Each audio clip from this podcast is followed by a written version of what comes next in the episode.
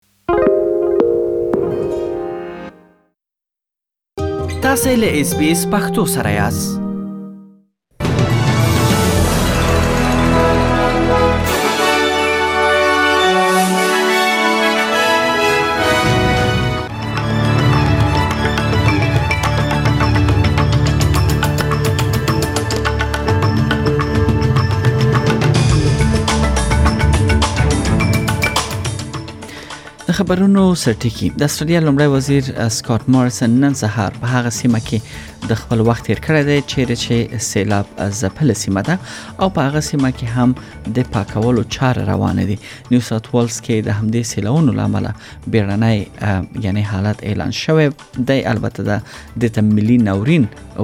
ویل شو او بیا په کوینزلند کې لا تر اوسه پورې داسې اعلان نه دی شوی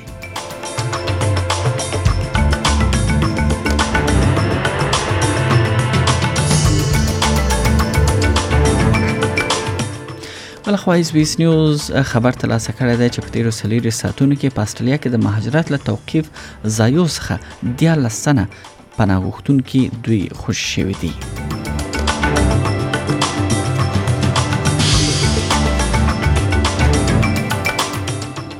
او په وکټوريا او هم نیو ساوت ویلز ایالتونو کې د کورونا وایرس ډیرو پیښو ثبت وروسته نن نیو ساوت ویلز ایالت 12850 نوې پیښې ثبت کړې دي او بیا وکټوريا ایالت 6015 نوې پیښې ثبت کړې دي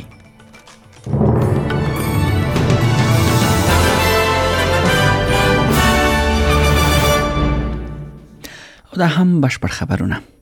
سکار مارسن نن سهار د سیدنی په هاکسبری سیمه کې د سیلاب ځپلو یعنی سیمو لیدو باندې د خپل وخت تیر کړی دی لومړي وزیر خبريالانو ته ویل چې هغه ته د هغه کار او مرستو په اړه معلومات ورکړ شوې دي چې اړوند ادارې یې د سختو بارانونو او سیلابونو لامل اغیزمنو خلکو سره کوي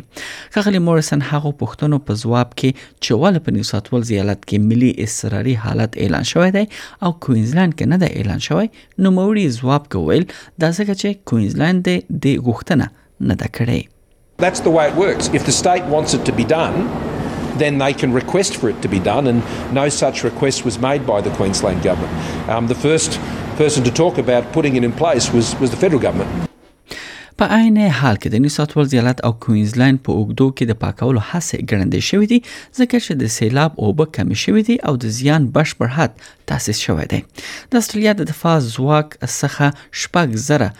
ډېر پرسونل اوس په دواړو ایالتونو کې د سیمه ییزو رضاکارانو او شوراګانو سره د مرستې لپاره په کار باندې بوخت دي چې له هغو څخه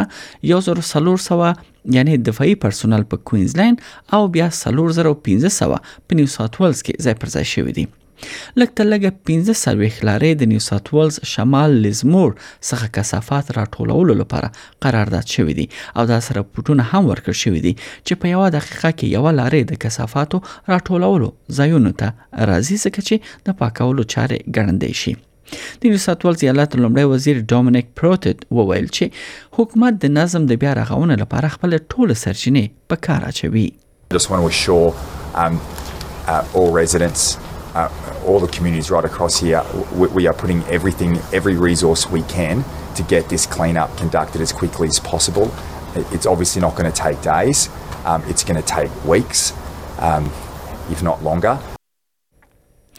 اس بي اس نیوز خبر ورکړی دی چې په تیرو سلیری ساعتونو کې په استرالیا کې د مهاجرت له توقیف څخه ټول 14 تنه مهاجر خوشی شوی دي په پیل کې داسې انګیرل کېده چې نه تنه د جمعې په شپه نا وخت د ملبون له پارک هوټل څخه خوشی شوی دي چې ډیری یې اوس په برجینګ ویزو دي مګر اس وی سویل شوی دی چې یو بل پناه غوښتونکی میچا مهاجرت توقیف ځای څخه هم خوشی شوی دی په ملبون کې هم او هم درې نور په پریزبن کې د مهاجرت د لیګ استوګنې مرکز یا بیتا څخه خوشی شوی دی چې په ټوله کې 14 پناه غوښتونکي ټولنه ته خوشی شوی دی جین سالمون له اوږدې مودې راهیسې د کډوالو فعاله او هم مدافع وکیله ده د او هم له نږدې څخه له لسیز راهیسې د ملبورن پاک هوټل سره چې پکې پناه غوښتونکي ساتل کیږي نږدې اړیکې لري نو موري وایي چې د دوی خوشی کول هم ښه خبر دی او هم بد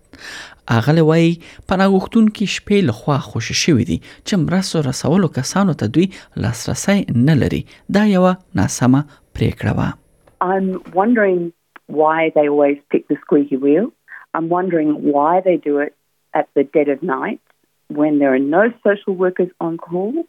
I'm wondering why they do it when there can't be any banking, any Medicare. I'm amazed by the viciousness of this government. After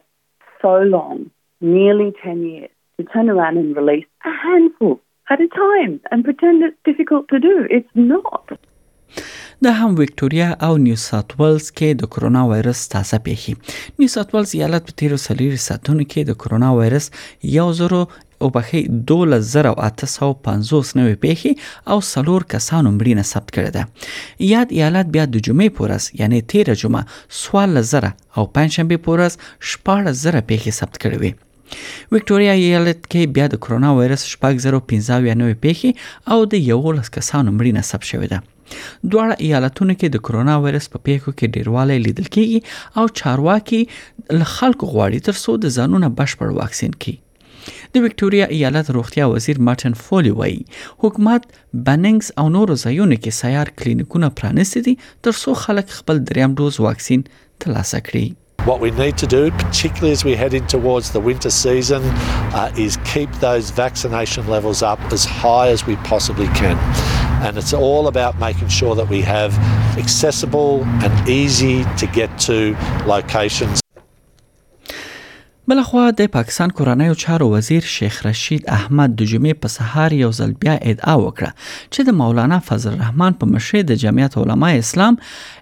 انصار الاسلام ډله یو شخصي ملیشه ده هغه دا هم ویل چې که هر څوک د دې ملیشه جامو کې اسلام آباد ته ورشي نو نه پرې خودل کیږي شیخ رشید یو خبري کانفرنس خبرو کې زیاته کړه چې قانون هیڅ چاته د شخصي ملیشو ساتلو اجازه نه ورکوي د یادونه ده چې پاکستانی پولیسو 13 ورځ اسلام آباد کې د دغه هیواد پارلمان کې د جمعیت علما اسلام د وغړي لکوره د الانصار اسلام 19 غړي په دې نوم ونیول چې ګوندې دا ډله په دوه زره نولسم کال کې غیر قانوني یعنې کړنو دوی پلان درلود البته خو دغه کسان چې د جمعې پر سهار بیرته خوشې شول الانصار اسلام څه شی دی معنا دا چې دا همدغه ډله پورې تړاو لري چې پاکستاني یو ګواښ ګڼي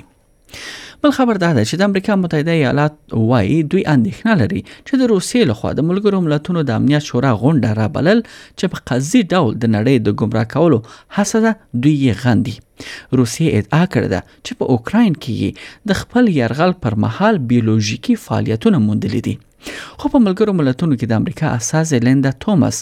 ویلي دي اوکراین د بیولوژیکي وسلو پروګرام یا داسې لابراتوارونه یا لابراتوارونه نه لري چې امریکا یې ملاتړ کوي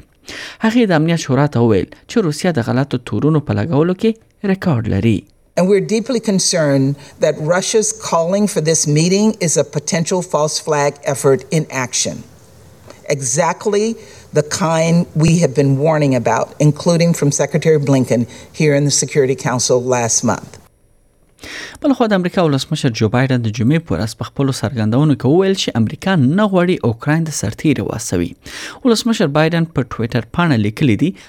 زه غواړم روښانه کړم، موږ به په بشپړ ځواک سره د متحدې او هم غښتلې ناټو د خاورې او او هر هغه څه دفاع وکړو چې موږ یعنی ورته ژمن یو او په اوکراین کې د روسیې پر ضد جګړه به یعنی موږ ونه کړو د ناټو او روسیې ترمنځ مستقیمه جګړه دریمه نړیواله جګړه ده خغلی بایدن په وار وار وایي چې له روسیې سره د مستقیمې جګړې لپاره امریکا خپل پوځیان هغه هیواد ته یعنی اوکراین ته نه اسوي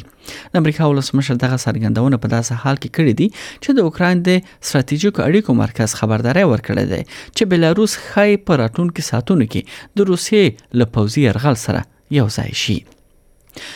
بل خبر له پاکستان څخه دی چې د استرالیا د کرکټ لوبډله هر ته ورغله ده او لوبه تر سره کوي بیا په عین حال کې استرالیا د پاکستان پر وړاندې دویمه ټس سیالي ته ننوځي چې د شنبه پورز دغه سیالي په پاکستان کې پیل کیږي لا تر اوسه د کراچۍ په ملي سټډیم کې یعنی استرالیا د کرکټ ټیسټ لوبه نه ده ګټلې استرالیا چې په لومړي ځل یې په 1955 کال کې هلته ټیسټ لوبه کړې و 15 ټیسټونه یې له هغه مودې راهیسې بایللې دي او درې یې مساوي کړې دي خو د استرالیا کپټان پټ کمنز وایي چې استرالیا له پخوانی ریکارډ څخه ویره نه لري او نه یې زوروي نو موري وایي د استرالیا ټیم تر دې دمه په پاکستان کې له سفر څخه خوند اخلي Every time we leave the hotel to go to the ground, I think it hits home how lucky we are to be you know, so well looked after all the locals. Um, you know, literally stop stop what they're doing to to I guess get us to, to the to the stadium, which is um, yeah, it doesn't go unnoticed. We're, we're really thankful for the lengths that everyone's gone to here to to make this test series happen. So um, yeah, we, have loved it. Um, yeah, can't wait for the next two tests. It's a really special series.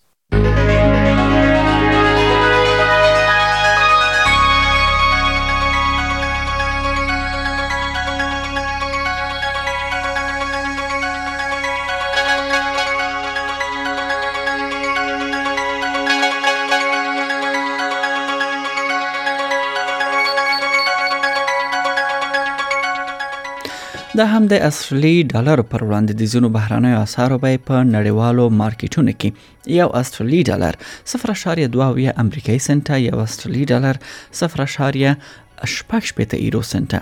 یو استرالی ډالر 0.15 یو سل دیش اشاریه دوش پته پاکستاني روپی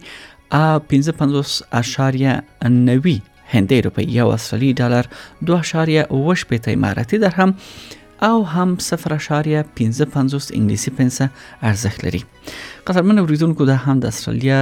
د زینو خارونو نه لپاره د تودوخه تر ټولو لوړه درجه هغه هم د سانتیګریډ په کچه سیدنی کې هوا باراني ده لوړه درجه 25 سانتي ګریډ اټکل شوې ده په ملبن کې هوا لمریزه درویش په برزبن کې ا د یعنی د باران اټکل ده هلته او 22 سانتي ګریډ لوړه درجه اټکل شوې ده په پرت کې هوا لمریزه ده 29 په اډلیډ کې هوا لمریزه 29 په هوبرټ کې اسمان برګ درویش په کمبيره کې هوا لمریزه ده